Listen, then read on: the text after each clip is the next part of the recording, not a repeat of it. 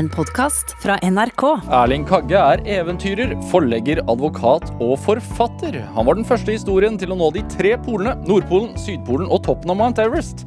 Kagge har samlet kunst i en årrekke og har i dag en stor samling av internasjonal samtidskunst. Han har skrevet elleve bøker, vært på bestselgerlista i flere europeiske land, og boka hans om å nyte stillhet er oversatt til nesten 40 språk. Dette er Drivkraft med Vegard Larsen i NRK P2. Erling Kagge, varmt velkommen til Drivkraft. God formiddag. God formiddag. Det, har du sovet i natt? Ja, jeg har heldigvis sovet, men ikke så mye som jeg pleier å gjøre. Jeg er veldig glad i å sove, men uh, i natt ble det litt mindre. Når la du deg? det kanskje halv to eller noe sånt nå. Mm, hvor, hvor, hvorfor det, egentlig? Ja, jeg er enig i at uh, det er et av de store spørsmålene i livet. hvorfor hva? Men uh, nei, det var ikke noe opptur å være oppe for meg som har stort sett alle andre nordmenn. Kunne like godt gått og lagt meg. Altså veit man vel egentlig at ingenting er klart før langt utpå morgenkvisten. Ja, men Én ting er hva man uh, vet, men uh, så drømmer man og håper man, da. Uh, at mitt tilfelle, som mange andre, at det skulle komme opp noe sånn breaking news, liksom 12,8% advantage, Biden, et eller annet sånt, men det kom jo ikke. Ja, men Du er ikke noe du er ikke noe selverklært sånn Amerikaekspert. Men, men, men hva, hva, når, når, vi, når, det først har vært valg, og det er det man tenker på akkurat nå, hva, hva, hva, hva er dine refleksjoner rundt uh, ståa? Um, jeg syns at Altså, jeg, jeg, er veldig ivrig avisleser. Um, og blant annet så leser jeg Breitbart. Og, uh, Breitbart, fortell hva det er. Ja, Breitbart er også liksom sånn den høyre, veldig høyre altså det er jo ikke ja, høyre, eller hva man skal si, liksom radikale høyresidens uh, Eh, en av favorittavisene i USA. Um, og de har jo tro på Trump-seier hele veien. Altså, jeg er langt fra sikker på noe Trump-seier, det gjenstår jo å se. Men de har trodd på det hele veien. Og, og, han som har drevet meningsmålingene for dem, ansvarlig for dem, han sa noe veldig interessant. at når de stiller spørsmål om hvem som skal vinne valget, så spør du bl.a.: Hva tror du naboen din kommer til å stemme? Og det syns jeg var en god observasjon, fordi mange vil jo ikke si fortelle hvem som helst hva de skal stemme. Kanskje det er de som vi vet flau over hva de skal stemme. Eh, men naboen har en oppfatning om hva de skal stemme. Så kan du ringe naboen etterpå og spørre hva naboen den skal stemme. Og da kommer man jo sannsynligvis frem til bedre tall enn alle de andre. Ja, er det liksom hvis, det, hvis Trump går av med seieren, er det over og ut for meningsmålingene som man kjenner de, tror du? Ja, det er jo grunn til å håpe, men, men, men verden går videre. Livet ja. går videre. Det, all erfaring tilsier det at uh, de som spår store, radikale liksom sånn forandringer, de tar som regel feil. Er det, Som forlegger, er det en positiv ting at Trump vinner? Eh, for amerikanske forleggere så er det nok det på kort sikt, fordi den type litteratur er jo blitt en egen sjanger, Trump-litteratur, og det har jo løftet amerikansk forlagsbransje. Så, så boksalget er kraftig opp i USA. Uh, og selvfølgelig avislesing også kraftig opp. Så det er jo alltid noe som vinner på det. Ja, her hjemme, da? Her hjemme går også boksalget opp nå. Ja. Uh, uavhengig av Trump. Men, uh, men har, det har nok noe med korona å gjøre. Jeg tror folk har sett gjennom Netflix i betydelig grad, og sånn, og så er jo alle nordmenn er jo stort sett i Norge. Og de får ikke brukt så mye penger som de liker å bruke.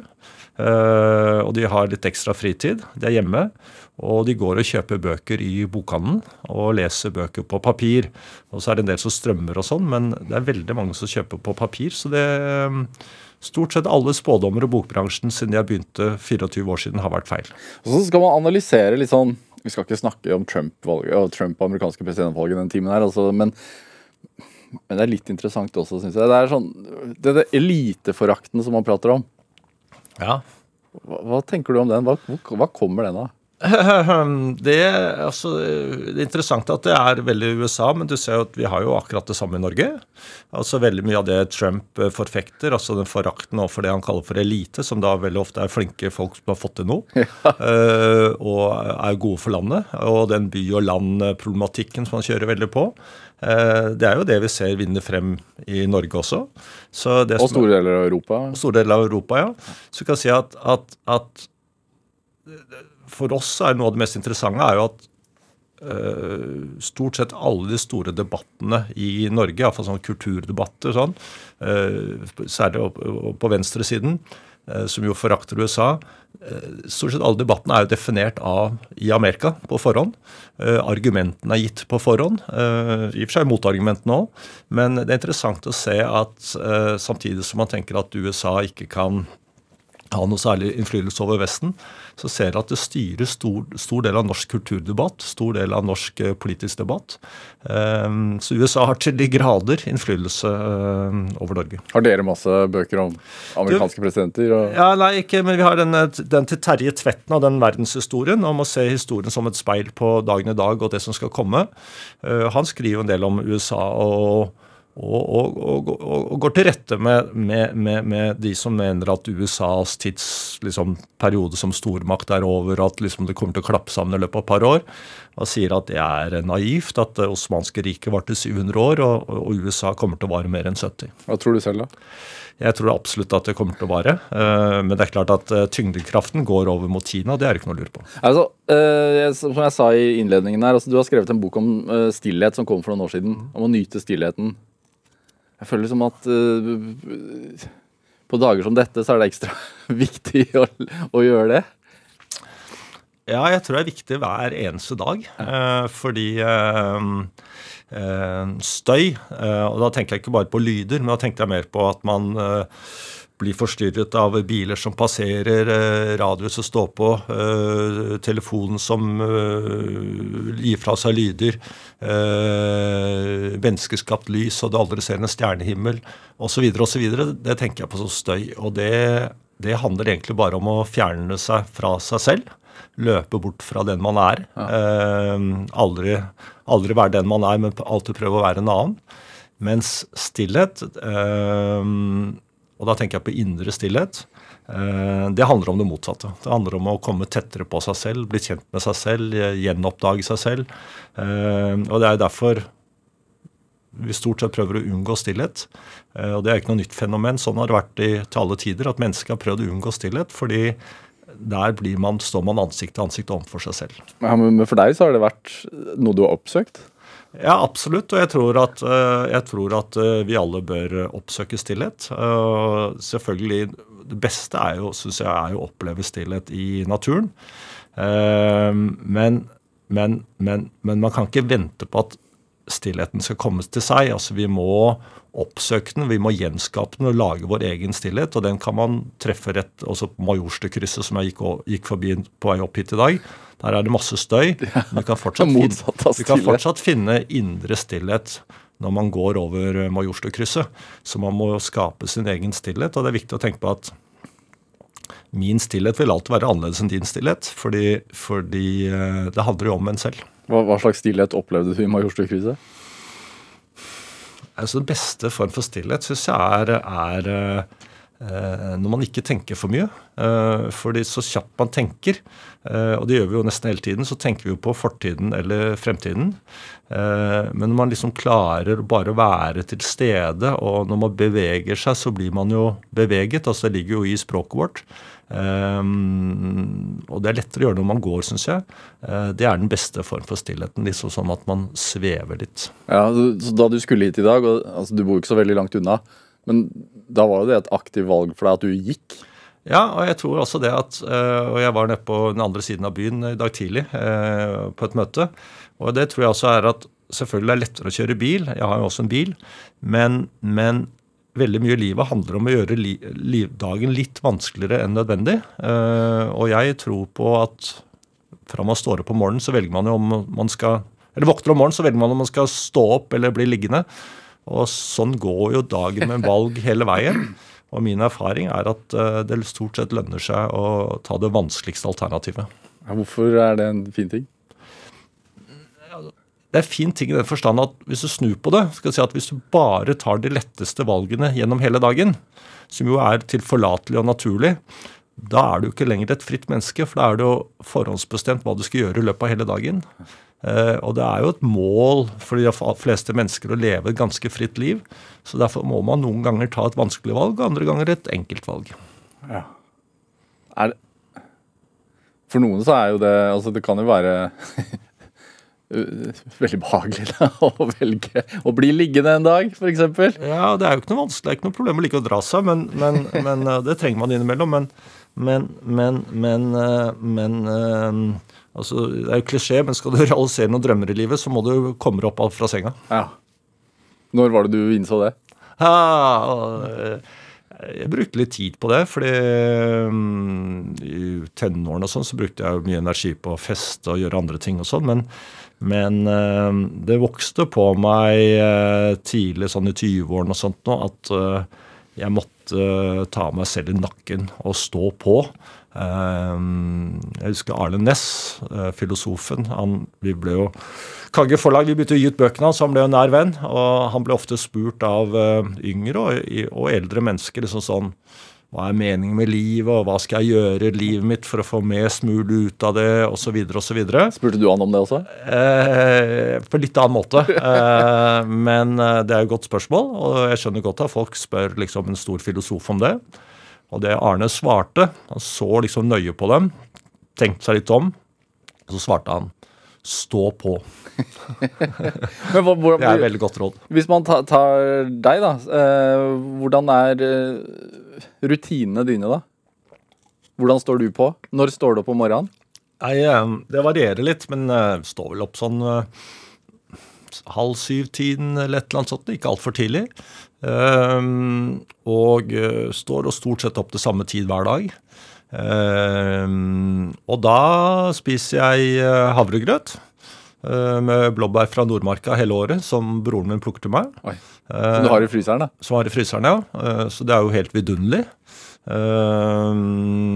Og tar en kaffe og drikker litt vann. Og så setter jeg i gang med arbeidet, egentlig. Og hva gjør du da? Da gjør jeg som andre, da går jeg gjennom mailer, svarer på ting. Og så er det det å være forlegger. altså Jeg er jo Kagge forlag, og det, det er jo mye man må gå og tenke og undre seg litt og puste dypt ti ganger før man eh, svarer på alt. Så det er ganske tidkrevende, egentlig. Er det et råd? Ja, jeg tror det ofte så kan man svare ja og nei og sånt, og det er bra å være kjapp og sånn, men, men um, jeg tror på en del ting. eller sånn, sånne gamle uttrykk som å sove på det, eller at du kan eh, gå, gå fra problemer og sånt noe. Eh, Det er klart du kan det. Ehm, Så jeg tror sånn det å ikke alltid, men noen ganger liksom tenke seg litt godt om, det tror jeg kan være, kan være lurt, ja. Ja. Så, så du er av den sånn skolen at skal svare deg, skal bare gå meg en tur først? Ja, øh, i praksis så gjør jeg ofte det. At, øh, men noen ganger haster det jo, og da må man selvfølgelig skyte fra hoften. Men, eh, men eh, jeg tror de fleste undervurderer seg selv, også når det gjelder å, det å tenke gjennom ting og komme frem til gode løsninger. Og, og, og det gjør man bedre eh, når man beveger seg. Hvor hands on er du i forhold til forlaget ditt av hva som blir gitt ut? Nei, det, nå I dag er jo Kagge forlag og Stenersen forlag, som er en del av Kagge forlag. Vi er jo nå vi er størst på sakprosa i Norge. Uh, Jorunn, som er sjef i Kagge, hun var innom Tanum her i går, tror jeg det var, og da var fem av ti toppbestselgerne var fra Kagge og Stenersen. Så det går jo heldigvis kjempefint. Uh, og det gjør ikke det hvert år, så vi er glad når det gjør det. Så ja, jeg er ganske aktiv, men det er jo jeg er jo ikke sjef i forlaget, eh, men jeg prøver å jobbe og stå på, ja. Mm. Men du Vi er jo 25 stykker alt i alt i Kagge og Stenersen. Men du eier? Jeg eier nesten alt, ja. Ja, så du, du er, da er du jo sjefen. Ja, ja, jeg tror på eiermakt, men, men, men du vet at det er daglig ledelse, som det står i eh, aksjeloven, altså den utøves jo av daglig leder. Ja. Og det gjør de også i Kagge forlaget. Eh, jeg, jeg så deg plutselig på forsiden av en sånn uh, italiensk motemagasin. Ja, ja, sånn, sånn er det blitt. Eh, italienske Vogue. Ja, ja, ja. Uh, hvordan havnet du der nå? Du, det var litt eh, Det var jo så mye annet i livet at liksom at man må Jeg tror man må være tilgjengelig når muligheter dukker opp. Eh, Det er litt sånn Det er, liksom, det er sånn uten samle for øvrig. Det er sånn snakket med Joralf Gjerstad, som jeg, som jeg beundrer. Og, Altså Snåsamannen. Snåsamannen, ja. Og han sa det der at noe han hadde lært seg gjennom sitt over 80-årige liv, er det å, å gripe tak i en mulighet til en tanke eller et eller annet når den dukker opp. og forfølge den. og det tror jeg er viktig. Og i dette tilfellet så var det bare at jeg skrev en artikkel for han som er sjef i italienske Vogue for noen år siden, for et annet blad som han jobbet for da, og han var veldig fornøyd med det og gjorde en god jobb for ham, og omvendt. Og nå ville de lage litt sånn litt mer natur og litt mer nordisk. Og da sendte han meg tekstmelding og spurte om jeg kunne skrive en ny artikkel uh, innen sånn og sånn. Og da grep jeg muligheten og sa ja, og så ville jeg ta fotoopptak, og det Ja. Og så gikk det bra, og så ville jeg ta nye foto for å ta på forsiden. Hva, hva handla artikkelen om? Den handlet om, eh, den handlet om det å To ting, egentlig. Om å vende tilbake til naturen.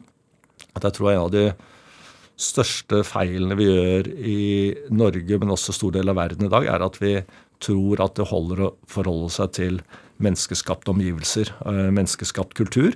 Uh, det er en kjempetabbe. Uh, og det er en liksom, tanke på at man kan oppdage verden og oppdage seg selv ved å sitte på rumpa av en stol og se inn i en skjerm. det er naturstridig, så det skrev jeg om.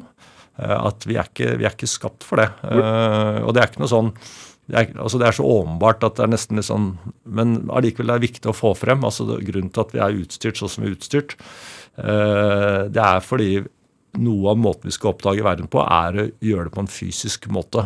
Det, har, det, har, det, er jo ikke Homo sapiens som fant opp måten å gå på to ben. Det er mulighet for å gå på to ben som fant opp menneskeheten. Så vi har alltid vært et gående art som har oppdaget oss selv og verden rundt oss ved å bevege oss. Og nå er vi på den for første gang en, en generasjon som stort sett sitter.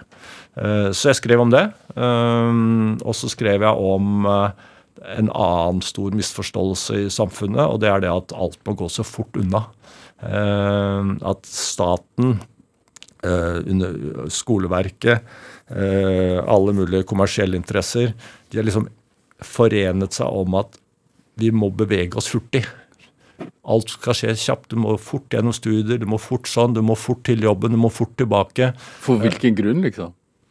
For å bygge bruttonasjonalprodukt. ja. Og det er jo bra, på en måte. For det, det er jo noe av velstanden i Norge er jo, at, eh, er jo at kvinner og menn arbeider. Eh, men eh, det har gått for langt, rett og slett. Og det er jo derfor jeg også skrev en bok om å gå og gå. Eh, et skritt av gangen. Og det er nettopp det at den gleden ved å bevege seg sakte uh, Og bare som et eksempel at folk tror jo da at hvis du, hvis du skal uh, La oss si at du skal gå ti km fra et sted til et annet. Og så kjører du bil, og så gjør du det unna på fem eller ti minutter, avhengig av kø og sånt, og så skal du gå, og så bruker du to timer i stedet. Og Da tenker man at da sparer man jo mye tid på å kjøre, eh, og det er jo riktig matematisk. Men eh, livet handler jo ikke bare om matte, og, og, og, hele greia er at når man kjører den, den distansen, så snevres landskapet inn. Så du ser nesten ingenting underveis. Du opplever omtrent ingenting. Eh, og tiden snevres også inn. Slik at, slik at du sitter der, og det er som du ikke har opplevd noen ting. Eh, men hvis du går den samme distansen, så åpner jo det landskapet seg opp for deg. Eh, du ser om du ser natur, eller du ser mennesker, du ser bygninger. Du lukter, du hører, du føler. Regner det, så blir du våt. Eh, det skjer ikke noen store ting, men det skjer mange små ting. Og da strekker tiden seg ut. Og grunnen til at jeg vet ikke om du går i det, men jeg går innimellom på sånn 60-70-80-årsdager. Jeg er blitt såpass gammel og, og, sånn. Og det folk ofte prater om da, det er jo at livene deres har vært så korte. Ja. Så siterer han Stig Johansson, eh, nå kan ikke jeg si det helt riktig, men alle disse dagene og, som kom og gikk. Inntil visste jeg at det var sjølve livet. Eh, og så syns alle at det er dypt og flott og følsomt å si. Men det er også litt trist, da. For det handler jo om at man hadde den store sjansen til å utnytte potensialet man har i livet. Og at man ikke gjorde det. At man endte opp med å gjøre stort sett de samme tingene hver dag. Uh, og underlegge seg et sånt regime som jeg beskrev. Uh, og når man, da kjennes det som livet går veldig, veldig fort. Men hvis man opplever litt andre ting i løpet av dagen og bryter opp litt, det trenger ikke være mye, det kan bare være i fem minutter, uh, så blir jo livet mye rikere. Erling Kage, du nevner jo altså Du siterer mange gamle menn. Mm. Er det Er du opptatt av det? At, uh, at man må Bør kanskje lære av de som har levd lenger enn oss? Ja, ja, jeg har alltid vært veldig glad i å omgås eldre mennesker. Og gjør det fortsatt mye. Og jeg har gjort det egentlig helt siden jeg var barn, egentlig. Så hadde jeg en gammel grandtante som var barnløs, som jeg hun må jo ha vært også 60 år eldre enn meg. Og jeg dro på ferie med henne hver eneste sommer fra jeg var 8-9 til jeg var 20. Uh, eh, og jeg husker Kjæresten min jeg var sånn 18 og 19 og sånn, syntes det var veldig rart. Jeg dro på, på tur med tanten min. Uh, men jeg syntes det var helt vidunderlig. Hva fikk du ut av det, da? Jeg fikk veldig mye ut av det. Uh, hun var, hadde en mann som var forlegger, så jeg leste mye gode bøker. Og hun, hadde, hun var veldig aktiv. Hun er en av disse liksom, glemte heltene fra 30-tallet som jobbet mye uh, rundt i Europa og, og, og, reddet jødiske barn ut fra barnehjem og fikk sendt dem til Norge. Hadde veldig stor livserfaring. Og uh, husker hun giftet seg da hun var 82. Han var 82 av mannen nå. og da og da husker jeg vi sto og jobbet i hagen hennes, og så, og så glemte jeg noen ting. Og så stoppet han Håkon Nattvik, som han het, han ektemannen.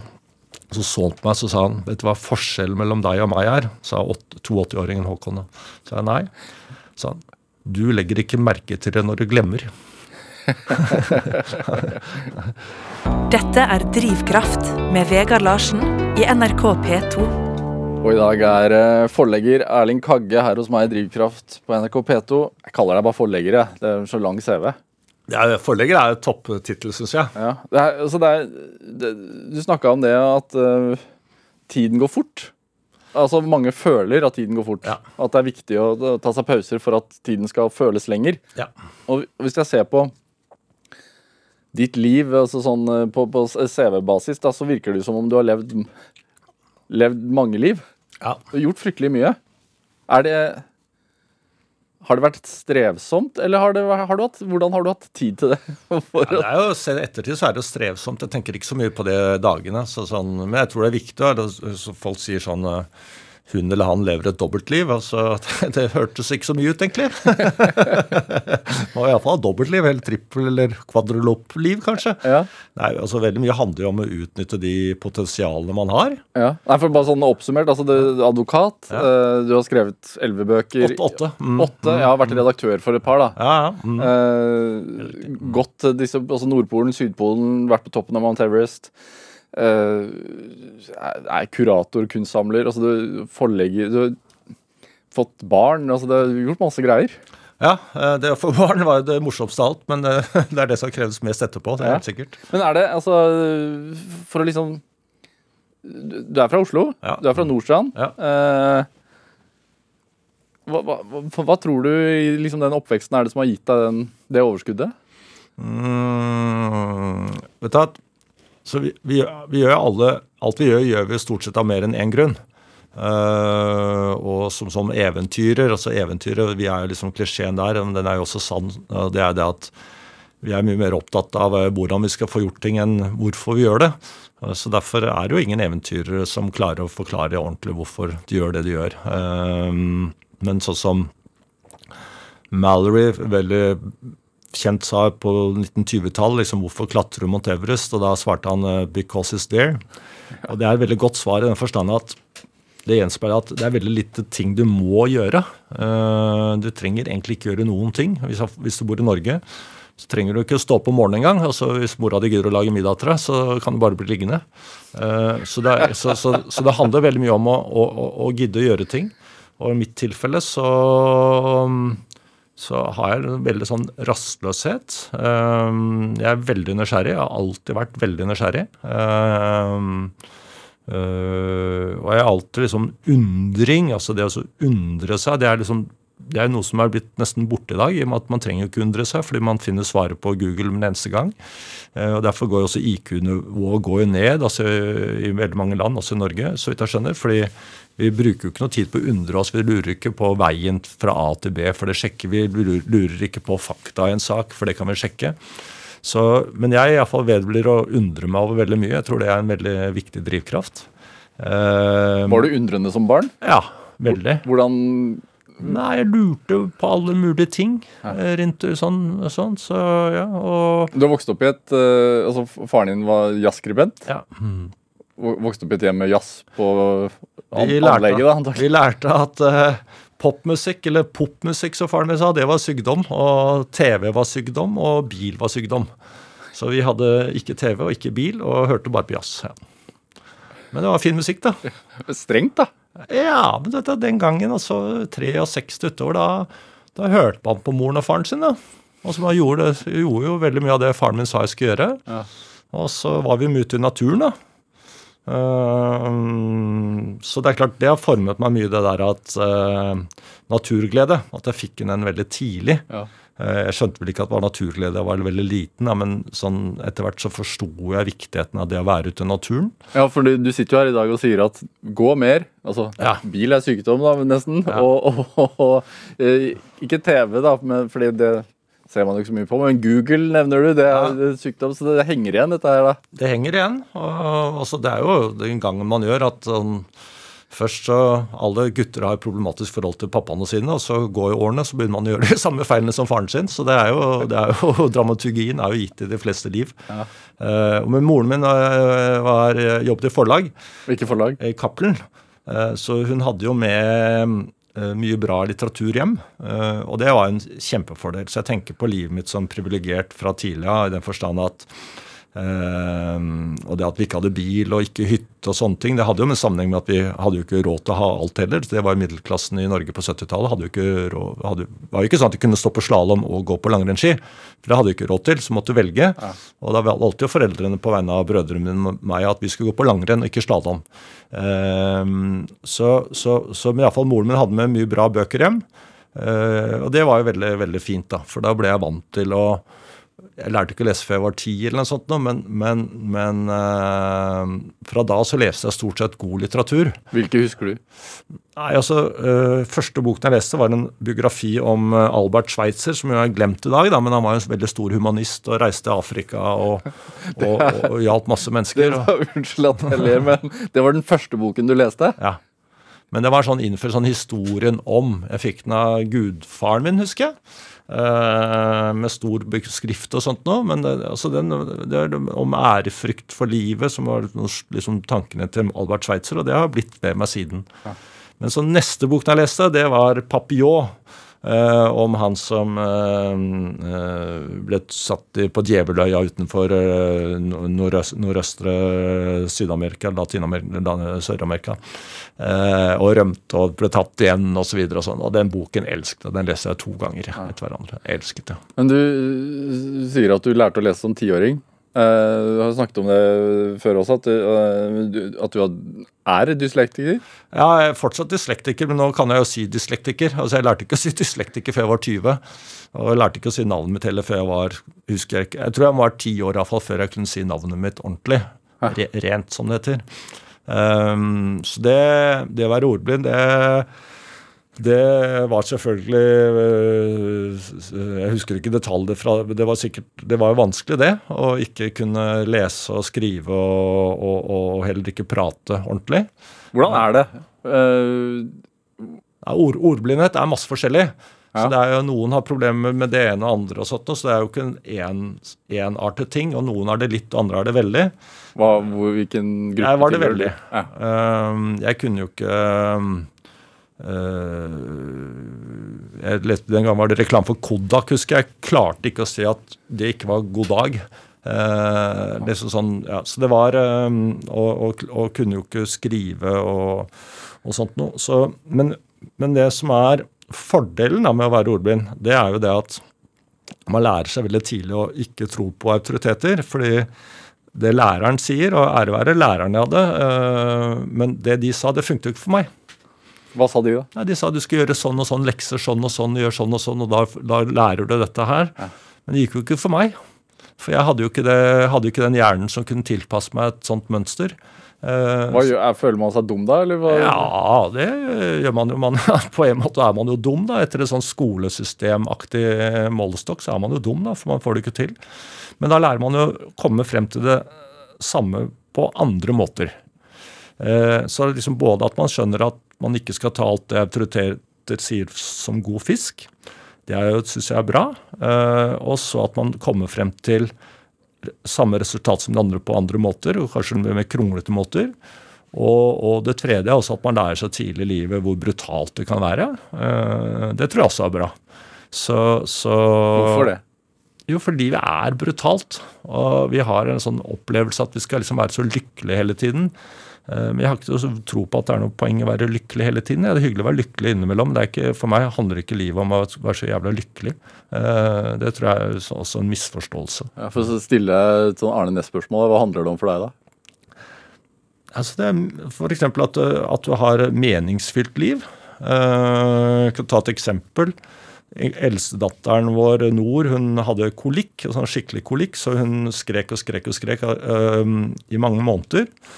Og det var selvfølgelig for moren og meg var det helt forferdelig. Vi fikk jo ikke sove, og det var helt utslitt. Og gikk om natten frem og tilbake over stuegulvet med henne og gikk tur med henne gjennom natten osv. Eh, og det var nesten sånn tortur. altså sånn Du ble tatt fra søvn og hvile. Men i dag så tenker jeg på det som var det lykkeligste jeg har vært med på. Oi, hvor, og det mest meningsfylte jeg har vært med på. Det var en nær barnet.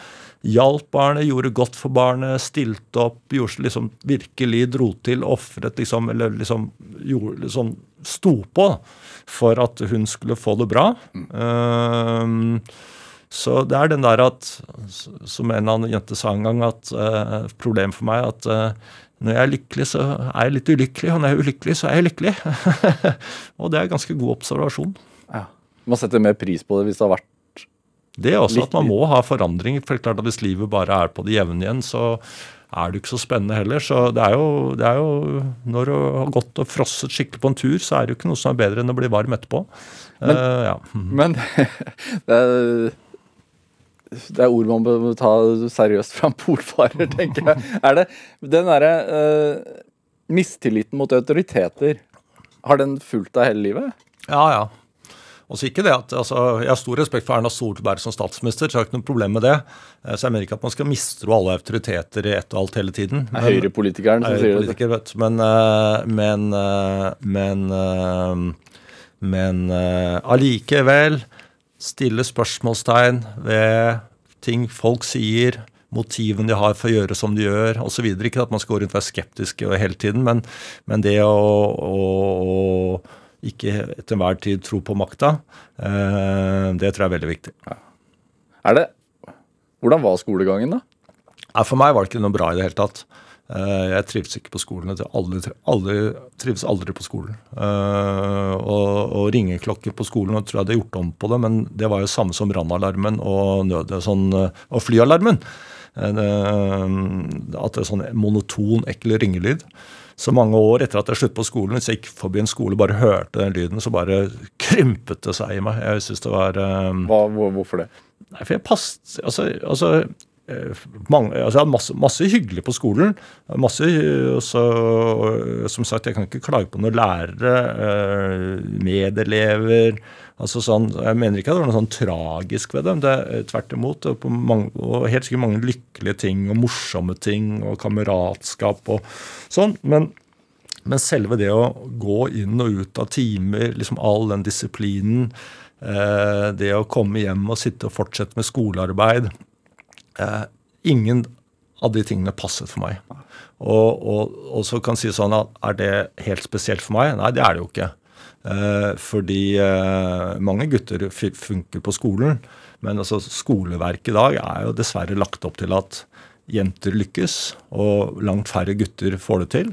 Så det er liksom Skolen er jo på en måte blitt en tapfabrikk hvor gutter får ødelagt veldig mye veldig tidlig i livene sine. Og så ser du når gutter blir 20, 25 eller 22, så blir jo de mer modne, de òg. Men i og med at det er så viktig med karakterer, så kommer jo ofte gutta bak. Så jeg syns det er helt forferdelig å tenke på at vi har et system eh, som er lagt til rette for at så mange gutter ikke får det til. Og jeg, jeg skjønner ikke engang at det er akseptabelt. Det er, bare, det, er bare, det er nesten helt ufattelig. Men det er klart det er jo ikke noe vinnersak for politikere i dag å kjempe for gutters rettigheter på eh, skolen. Eh, men jeg tror det blir det en dag. Fordi, fordi når man ser resultatene av det og man er opptatt av likestilling, og det bør man jo være, så tenker jeg at det ikke er akseptabelt. Er det Taperfabrikk, liksom. Hvordan har den liksom motgangen som det må ha vært da, ganske tidlig i livet, fungert som en drivkraft for deg? Ja, ja, det tror jeg er kjempebra. Altså Nei, men Hvordan har det fungert? Altså. Nei, altså, jeg tror stort sett veldig mange av de menneskene jeg omgås, har jo fått til ting til tross for, ikke på grunn av. At det er jo, Hvis du blir dullet og dallet med og er den peneste og kjekkeste i klassen, og læreren behandler deg penere enn de gjør alle de andre, øh, og du er akkurat så smart at du får gode karakterer hele tiden, og liksom løpet er lagt, hva i all verden skal du kjempe for sinne i livet da? da? Uh, så liksom sånn da Gutta da, de får jo stort sett da kjøpt seg et uh, bolig i samme strøk som de vokste opp, og får seg en kone som ligner på mammaen sin, uh, og en jobb som ligner på pappaens. Og det er jo ikke noe gærent til det, men, men, men det er jo i beste fall, da. Eliteforakt jeg hører nå, Erling Kage. Hos meg er det ikke eliteforakt. du har med litt musikk? Ja. Du har med en egen låt, 'Sjørøvervisa'. Hva, hva, sier den om deg? jeg tenker ofte at uh, det hyggeligste å tenke på i livet er jo det som gjorde en lykkelig som liten. Og jeg husker 'Sjørøvervisa'. Det var jo en av de sangene jeg kunne spille som ikke var jazz. Uh, og jeg har alltid likt den, og så er den morsom, da. Ja. La, la oss høre, da. Og nå skal vi ut på det store havet med selveste kaptein Sortebill og sjørøverne hans. Og har du lyst til å være med, så hei fadderi fadderullan deg.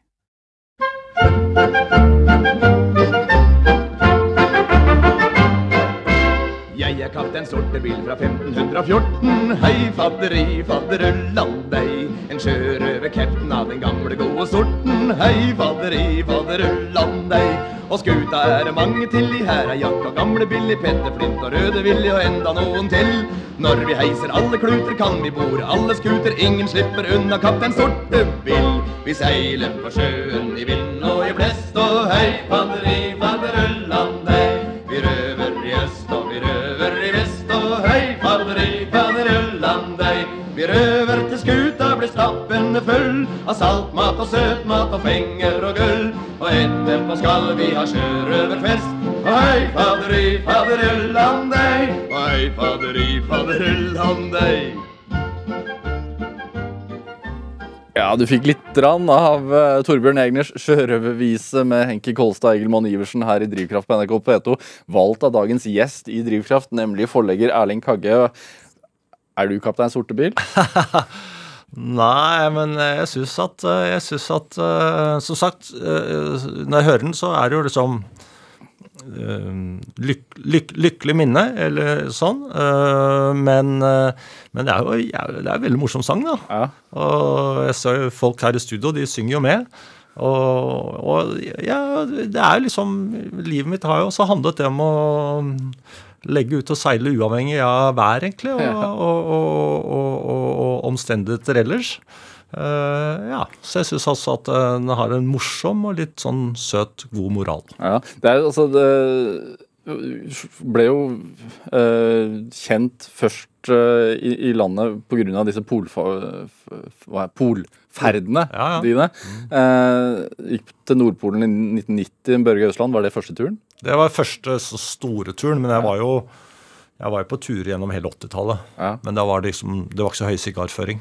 Nei, hva, hva, hva, hva, var det som gjorde at du ville det? Var det for å det, er det for å få respekt av andre eventyrere? Er det? Ja, altså øh, Altså Grunnen til at man stadig vekk drar på tur ut, tur ut i naturen, er jo naturglede. Det er jo selvfølgelig veldig viktig. Men det er en ekstrem form for tur. Ja, nettopp. Men det at man går til, går til Nordpolen, f.eks., det er klart at det også har sånn tilsynelatende sånn usympatiske sider. altså Det er det som at det er jo konkurranseelement i naturen. Det er jo mange som syns det er galt. Uh, og at det også selvfølgelig er altså at at du er ute etter uh, anerkjennelse. Uh, hvis ikke så hadde man ikke trengt å gå helt til Nordpolen hvis det ikke var fordi man ville sette en eller annen rekord. Så det er klart at det har også med behov for anerkjennelse å gjøre. Mm. Fikk du det? da? Ja. Uh, det er jo alltid, Jeg husker Jakob Weidmann, han var sponsor, maleren, da vi gikk til Nordpolen. Han sa det at hvis dere får til denne turen her, gutter, da vil folk si dere hadde flaks med været.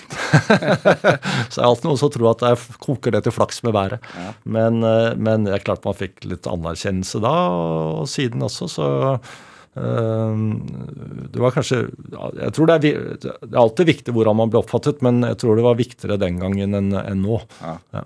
Hvor vesentlig tror du det har vært for deg karrieremessig? Nei, altså, Jeg tror det ligger der hele tiden, den der eh, behovet for anerkjennelse. Men uh, Mulig jeg tar feil, men det er veldig mange andre ting som er enda viktigere. Altså sånn F.eks. følelsen av å få til noe. Uh, også med forlag, f.eks. For altså sammen med 24 kolleger og forfatter og designer og korrekturleser og bokhandlere og alle. Liksom at man sammen uh, er med å skape noe. Mm. Og, og, og, at man lykkes. Altså når man lykkes, så blir man jo lykkelig. Det er ikke omvendt. Eh, så, så, det er noe av den største, liksom, største gleden, syns jeg. Ja. Så du, eh, Nordpolen gikk du med, med Ausland, eh, som jo også er en veldig kjent polfarer. Men så gikk du til Sydpolen aleine. Ja. Går det an å beskrive altså, Du har jo snakket om dette her før, men går det an å beskrive mange, hvor mange døgn ensomhet er det? 50 døgn uten å si noen ting, egentlig. Ja. Eh, jeg hadde ikke noe radiokontakt, ingenting. Og snakket ikke noe særlig med meg selv heller. Et ekstremt fysisk utfordrende klosterliv? Ja, men du vet at altså, det er jo på en måte den norske drømmen. Altså det å gå på ski hele dagen inn i naturen. Så, så, og det var ikke, Jeg trodde det skulle være mer slitsomt. altså Det var jo klart, det går jo jeg gikk 2,7 mil hver dag og trakk 120 kg til å begynne med, så ble en kilo lettere. Eh, men selv, en, selv, å gå til Sydpolen på ski, altså det handler jo om å sette det ene benet foran det andre nok ganger. Så det er ikke noe sånn mystikk rundt det. Det er liksom det å gidde å gjøre det og ha det noenlunde bra med seg selv mens man gjør det. Ja. Så for meg var den turen en super opptur. Altså Jeg hadde det stort sett veldig bra. Det var noen ganger jeg hang med geipen, men nesten hele tiden så syns jeg det var meget meningsfylt å bare gå helt monotont inn i sånn hvitt intet. Og, og, og, og i, det var midnattssol. Så det var vakkert. Det var veldig minimalistisk. Og det å på en måte bli en del av naturen, at kroppen ikke stopper ved fingerspissene, men fortsetter inn i isen og snøen og horisonten, det var veldig lærerikt. Og det ga meg også en veldig sånn god lekse om det vi snakket om i sted, det er stillhet og viktigheten av stillhet. Viktigheten av å lytte til seg selv, viktigheten av å lytte til naturen. Altså Jordkloden er jo 4,5 milliarder år gammel, og, og, det å liksom og den forteller mye om hvor vi kommer fra, og så sier det også en god del om hva som kommer til å skje fremover. Og forstå det at liksom menneskets liksom, tilstand er i betydelig grad også gjenspeilet i naturens tilstand. Eh, sånne ting, det liksom seg inn i meg. Mye av det visste jeg fra før av, men det var, en, eh, det var en ganske bratt lærekurve også, å være alene der ute. Ja, fordi Man kan jo lese om dette her og, og prøve å gjøre seg den samme refleksjonen? Ja, absolutt. Og jeg har prøvd å skrive om det, og det er jo mange som leser om det. Ja. Men hva er eh, forskjellen? Altså Forskjellen er, er, jo en del av alt det vi har møtt. Uh, og det er klart at uh, naturopplevelser, altså mye av det samme som jeg opplevde alene, det vil man jo oppleve i naturen alle andre steder òg. Men det blir litt annerledes når man er alene over lang tid, fordi da kommer man seg unna uh, seg selv. hvis ikke så kan du jo kan du hele tiden snakke med en annen om oi, nå var det kaldt, og nå var det tøft, og nå fryser jeg fælt, og hele opplegget der. Men er du alene med alt, så, så får også den stillheten, den indre stillheten, at du, du, klarer ikke å løpe bort fra deg selv, klarer ikke å blande deg bort i noe støy. Um, du blir bedre kjent med deg selv. Og for meg så var det også bra, fordi um, jeg tror også jeg lærte en del om ydmykhet på den turen. altså at uh, Det å være ute og gitt liksom naturens luner, da, uvær og pent vær og mer vær og mindre vær, at jeg også lærte meg en, uh, en god porsjon om ydmykhet, og det tror jeg også kom godt med. Ja, hvem var Erling Kagge før og etter? Nei, vanskelig å si. Jeg tror jeg ble litt Jeg tror jeg ble Altså, jeg, jeg, jeg tror jeg ble litt mer ydmyk altså, Jeg tror kanskje i mange år at jeg var litt sånn utad, iallfall litt for sikker, sto litt for hardt på. øh, hadde liksom øh, Ja, altså Jeg ville veldig ofte ha ting på min måte. Og det kunne sikkert være litt slitsomt for andre som måtte følge med. Så det er egentlig en renselse. Ja, ja, for meg var det sånn klassisk sånn katarsis eller renselse. Jeg tror det. Men, men så er det selvfølgelig ting som skjer før og etter, og så kommer man hjem fra sånn tur, og så går vaskemaskinen i stykker, og da må man ha den reparert, og så for å få reparert skal man betale regningen, og så er du tilbake til samme tralten. Ja, hvor Men, fort eh, går men det? allikevel, Hvor blir- Ja, det går i løpet av noen dager. Altså.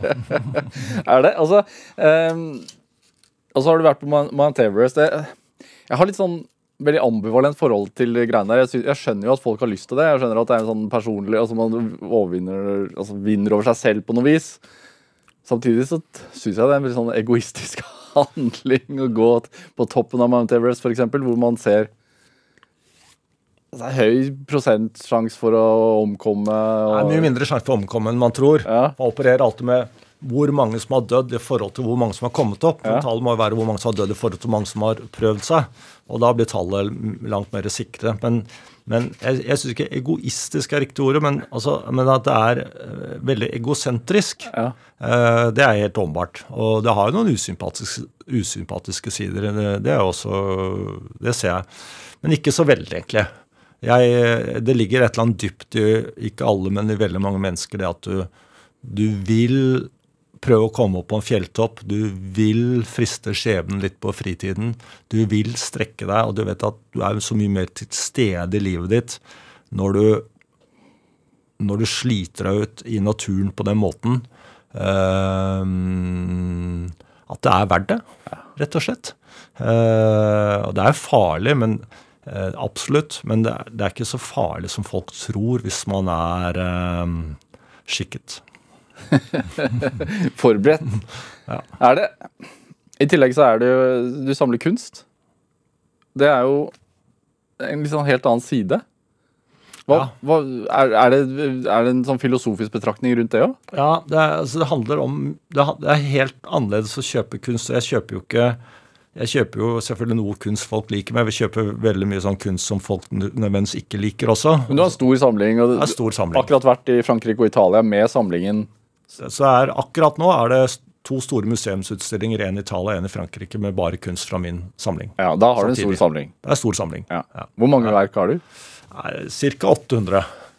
Så jeg har, jeg har helt sikkert i år så har jeg flere utlån av kunst enn alle, vil jeg tro, enn alle norske, av samtidskunst enn alle norske museer til sammen. Ja. Så, men det er klart at Hva gir det deg? Nei, altså Det samling med norske museer er jo egentlig litt bare vemodig at eh, de, har såpass dårlige samlinger. Eh, men, eh, men, eh, men jo, kunst gir meg mye, fordi det gir meg igjen med nysgjerrighet, undring. Jeg forstår jo ikke veldig mye av den kunsten jeg kjøper. Jeg forstår selvfølgelig litt, men veldig mye av det er komplisert, konseptuelle greier. og om å gjøre livet vanskeligere. Eh, jeg tenker ikke på det som investeringer, for veldig mye av den kunsten jeg kjøper, nå, går jo opp i pris, men veldig mye går, er umulig å selge videre, fordi folk er ikke interessert i mye av den kunsten. Eh, så jeg tenker mer på det som en livsstil. Uh, og mer som konsum enn en, en, en investeringer. Og det er et kjempeprivilegium, det å kunne samle og bygge en stor samling. Det er jo bare helt fantastisk. Og det å dra til eh, som jeg sa også i våre, så var det i Madrid. En svær utstilling. Eh, 2500 kvadratmeter. Eh, det, er, det er jo det er kjempegøyalt. Altså det, er, det er sånn som jeg syns er gøyalt. Jeg har, eh, studert eh, sosialantropologi på, på, på Blindern eh, før jeg havnet her en gang i tiden. Og da det, det, å samle ting, samle sånne singulære objekter, altså sånn at det bare finnes én av, sånne ting, det er sånn dypt menneskelig, det også. Ja, jeg tror det. At det er ikke noe Jeg tror veldig mange har den derre ekorngenet. Eh, Du har det også? Jeg har det også, men jeg er ikke interessert i Jeg er ikke interessert i mye annet måte. Jeg er ikke altså Forbruk av Forbruk interesserer meg ikke i det hele tatt. Altså det å handle ting, liksom gå, i, gå på kjøpesenter og handle ting, kjøpe eller hytter, biler Men kan du skjønne det? Ja, ja. Det blir jo samme. Jeg, jeg mener ikke at det er noe gærent i det, men for meg å kjøpe liksom hele den hyttekulturen er meg helt fremmed. Eh, Jeg har en liten bu på 13-14-15 kvadratmeter på Blefjell, og det syns jeg er kjempefint. Men noe større enn det, det, det har jeg ikke noe interesse av i det hele tatt. Og bil har jeg, men, men det er, jeg har god råd, så jeg har råd til bil. Hadde jeg ikke hatt god råd, så hadde jeg aldri hatt bil heller. Eh, og det Ja, så jeg, så jeg tenker på for, sånn forbruk. at jeg, jeg har ikke behov for å bruke noe særlig penger eller noe sånt. Noe, det, jeg har ikke noe glede av det, rett og slett. Nei, Du bor jo i et kunstverk også. Jeg bor i et kunstverk, så det er egentlig eneste gang jeg egentlig har brukt litt ordentlig med penger, sånn sett, det var å kjøpe et fint hus. Ja, bor, bor i en Korsmo-villa, altså Villa Damman, eh, det som regnes som et norsk kulturminne. Ja, det er, helt, eh, det er bare helt fantastisk. Men hva gir det deg Altså sånn hva, hva gir det deg personlig av å ha kunst, masse kunst på veggene, og, og det også bo i et arkitektonisk kunstverk? jeg tenker på det hver dag, at jeg er kjempeheldig. Jeg er griseheldig. Eller som Arne Næss sa, at, eh, at uh, griseflaks kan også sies med i to ord. Trenger ikke være ett ord. At det ikke være griseflaks. Så, så jeg tenker på det, og jeg tror at det er veldig viktig å huske på at man er heldig. At man er privilegert. For de fleste heldige, privilegerte mennesker jeg kjenner, de tenker ikke noe på det. De sutrer ofte. Og hvis man hører på Dagsnytt på morgenen også, folk jeg ikke kjenner, men hører all sutringen i Norge alle som ser på seg selv som ofre, alle som har det helt forferdelig, alle som er utsatte grupper. Jeg sier ikke at det ikke fins og at det ikke er synd på folk, men i Norge så vil jeg tro at det er kanskje 15-20 millioner ofre i Norge. altså Fordi veldig mange er ofre i mange, mange forskjellige kategorier. Og så er man det mest privilegerte folk i hele verden, tross alt. Uh, og da skal man kanskje skamme seg litt for å man liksom, sier ikke at man ikke skal kjempe for ting og sånn, for det skal vi gjøre, men vi må også huske på at vi er uh, Vi har hatt griseflaks. Ja, men Tenker du på det også sånn i forhold til det at du hadde såpass store problemer på skolen? altså Du kunne fort blitt en sutrer, da.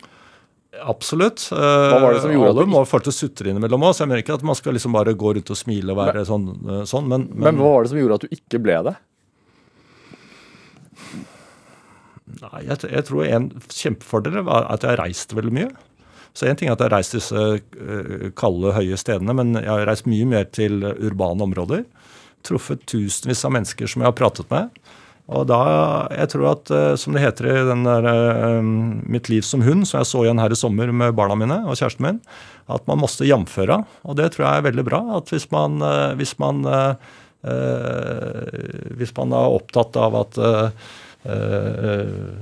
nasjonalisme og elitisme og hvor forferdelig noen som bor der, har det i forhold til hvordan andre, så, sånn, så blir det jo forferdelig å bo i Norge, da. Men hvis man jevnfører hvordan vi har det i Norge med alle andre land, så har vi det veldig bra.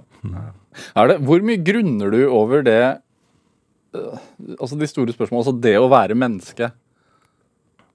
Ja, det grunner jeg Altså det å være eh, det, Jeg grunner på det og undrer meg på det. Eh, Jeg tenker ikke at jeg skal komme frem til en sånn topp svar på det, men jeg har til og med skrevet en bok om det òg, som heter 'Alt jeg ikke lærte på skolen'. Hvor jeg prøver på en måte liksom gå inn i hvorfor vi gjør som vi gjør. Eh, hvorfor vi må relatere oss til naturen for å kunne forstå oss selv. Uh, ja, så jeg uh, Så det er litt mer sånn det er, ikke, det er ikke filosofi, men det er litt mer sånn filosoferende tekst rundt det. Hva, hva innebærer å være til? Det, hva skal man gjøre for å få et meningsfylt liv? Ja, Hva er svaret, da? Det er sånn var det Nessa, da. Som jeg sa, stå på. Nei, altså jeg tror det er viktig der at, eh, at eh, veldig mye handler om å utnytte de potensialene man har. Eh, og i Norge så er vi en situasjon hvor veldig mange har muligheten til det. Det er klart Hvis du er født i Sentral-Afrika, så handler livet om veldig mye annet. Altså, det handler om kampen for tilværelsen. Og datteren min skulle ha prøve på skolen i morgen, og da var det om realisme i norsk kultur. Og, og, og, og da satt vi og så på bildene til Christian Krogh om eh, Albertine som er hos eh, legen for å sjekke om hun har kjønnssykdommer, og, den bildet om kampen for tilværelsen hvor han kjemper om en brødskalk. Eh, og det er jo realiteten for veldig, veldig mange mennesker. Ja. Eh, ja. Er du hands on på så leksehjelp? Nei, jeg kunne sikkert vært bedre. Men, eh, men eh, nei, vi også på matte og sånn, så hadde jeg har jeg ikke mulighet for å følge med fra sjette til syvende klasse, så faller jeg av. Eh, nei, altså jeg lærte jo ikke så mye på skolen, så, så Trenger ikke matte, trenger ikke kunnskap i matte for at det skal gå godt økonomisk. Si. Nei, jeg tror at mange kan rote seg borti tallene. Det tror jeg har en eller annen litt sånn at du lærer deg på en eller annen måte å, å, å, slå sammen tall. Og det er, jeg er ganske god på å slå sammen tall og se ting i forhold til hverandre. Eh, men eh, det å sette meg ned og regne og sånt nå, eh, det er ikke i nærheten av. Altså, du har havnet i Guinness rekordbok pga. disse ferdene dine. eh, Polene og Mount Everest. Er det noen flere ekspedisjoner igjen? Ja, Ja. Ja, altså jeg tror det er veldig viktig å huske på at verden forblir uoppdaget. Altså i den forstand at vi er nye hver dag. Eh, verden forandrer seg hele tiden. Så den tanken om at nå er alt oppdaget, den er jeg sterkt uenig i. Eh, jeg skjønner at det er mulig å liksom kunne hevde det, men eh, iallfall filosofisk, men også da faktisk, så er verden ny hver eneste dag. Eh, så det er den ene siden av det. Og den andre siden er det at man tenker alltid at at, at, liksom at i gamle dager kunne du oppdage land for første gang. Og det kan vi ikke nå mer. Men det er også feil, fordi, fordi eh, det er klart Roald Amundsen oppdaget Sydpolen. Eh, så han var jo helt fantastisk. ekstremt sånn, men, men stort sett alle som har oppdaget land, og som det er Leif Eriksson eller Columbus eller James Cook eller Magellan, alle disse store, det sto jo noen på stranden og vinkte dem når de kom frem. Eh, Så Sånn sett er det et spørsmål om ble de oppdaget av de lokale, eller var oppdaget i de lokale. Så, så, så, så store oppdagelsesferder har stort sett alltid vært om gjenoppdagelser. ja. Og hva vil du gjenoppdage? jeg, tror, altså, altså, altså, jeg tror veldig mye av meningen med livet er jo som sagt utnytte det man har, men også bli bedre kjent med seg selv. Erling Kage, tusen takk for at du kom til Drivkraft. Hør flere samtaler i Drivkraft på NRK på nett, eller last oss ned som podkast. Send oss også gjerne ris og ros og tips til mennesker du mener har drivkraft. Send en e-posten til drivkraft.krøllalfa.nrk.no. Ellen Foss Sørensen var produsent og researchet eh, dette programmet. Jeg heter Vegard Larsen, og vi høres. Du har hørt en podkast fra NRK. Hør flere podkaster og din NRK-kanal i appen NRK Radio.